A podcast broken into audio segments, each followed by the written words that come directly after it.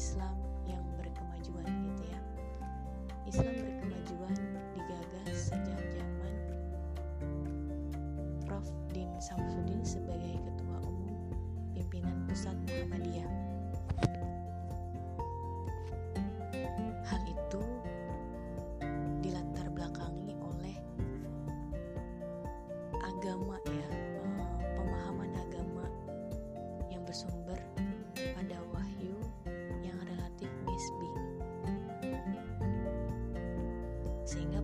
Penafsiran yang komprehensif dan mendalam gitu ya.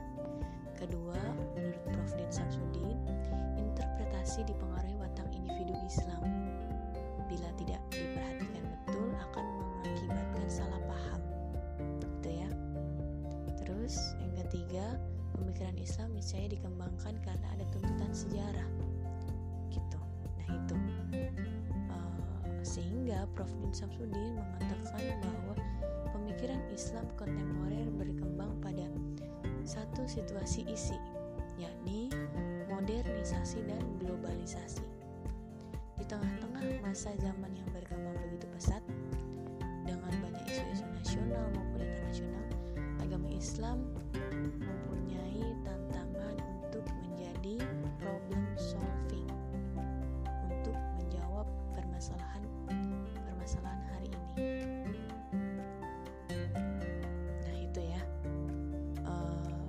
Islam berkemajuan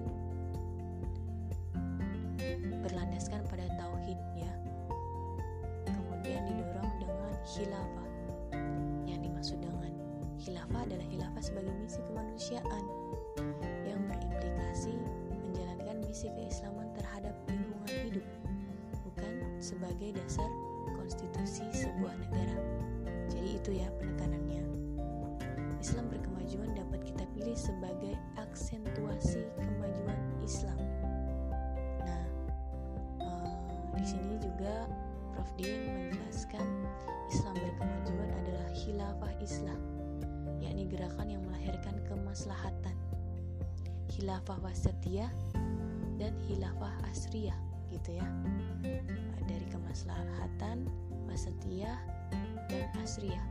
Oleh karena itu, Muhammadiyah lebih mengedepankan praksisme keagamaan daripada populisme keagamaan.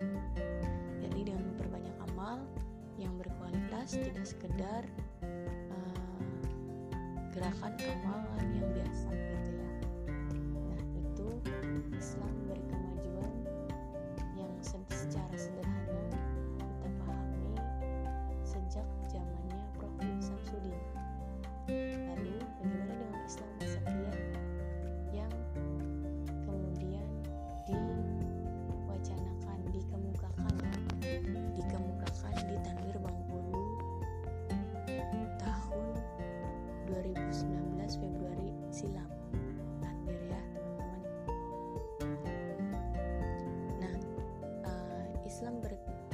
Wasatiyah hadir gitu ya karena kondisi Islam hari ini yang cukup komprehensif. Apalagi di kalangan umat muslim ya. Nah tantangan umat Islam hari ini sebagaimana dicontohkan itu ada fundamentalis dan liberalis berarti kalau fundamentalis itu saling mengklaim ya. Binaris gitu truth claim. Artinya membenarkan klaim saling membenarkan. Membenarkan sendiri gitu ya. Nah itu. Sehingga ia mengeras pada faham dan ideologinya sendiri. Konservatif akhirnya juga dibumbui dengan kepentingan politik gitu ya teman-teman. Nah itu. Lalu eh,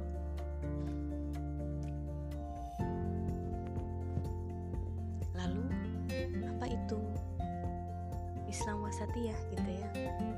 Nah eh, kita kenal sebagai sikap ya sebagai umat muslim warga Muhammadiyah. Posisi wasatiyah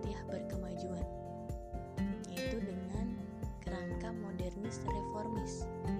Ideologinya bersifat ketengahan. Maka secara sederhana, wasatia itu dalam bahasa ya bisa kita definisikan sebagai umat ketengahan. Nah, makanya ideologinya bersifat ketengahan ya di antara berbagai kutub ekstrim. Kutub ekstrim kiri liberal sekuler, kutub kanan anti konservatif, fundamentalis, radikal. Nah, nah di sini eh, sifat-sifat Islam wasatiyah itu pertama berdasar atau bersumber pada Al-Quran dan As-Sunnah. Makbulah ya. Menjadikan Al-Quran dan As-Sunnah sebagai maroja ya. Yaitu sumber referensi mengembangkan ijtihad dengan pendekatan bayani,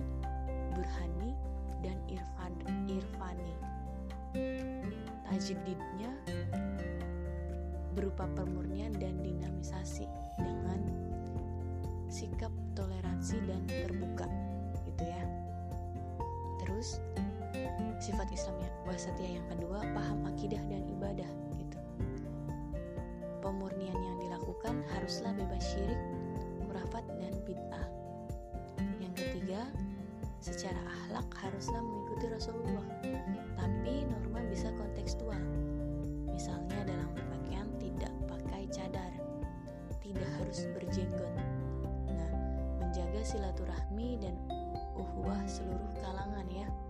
Juga menolak takfiri. Yang keempat Indonesia sebagai negara Pancasila sebagai darul ahdi wa syahadah Indonesia itu negara islami karena semua sila sejalan dengan ajaran Islam tidak berpolitik praktis tapi tidak anti partai mendorong partai agar tetap menjalankan misinya dengan baik.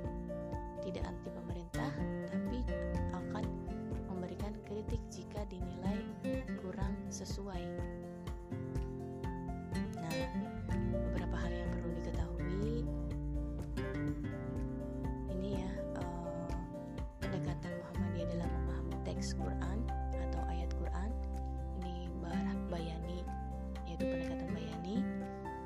dengan berdasar pada Quran hadis burhani dengan berdasar pada ilmu pengetahuan dan irfani berdasar pada kepekaan nurani dan ketajaman intuisi batin melalui pembersihan jiwa. Ketiga pendekatan ini digunakan secara bersamaan bukan bersifat alternatif. Nah itu ya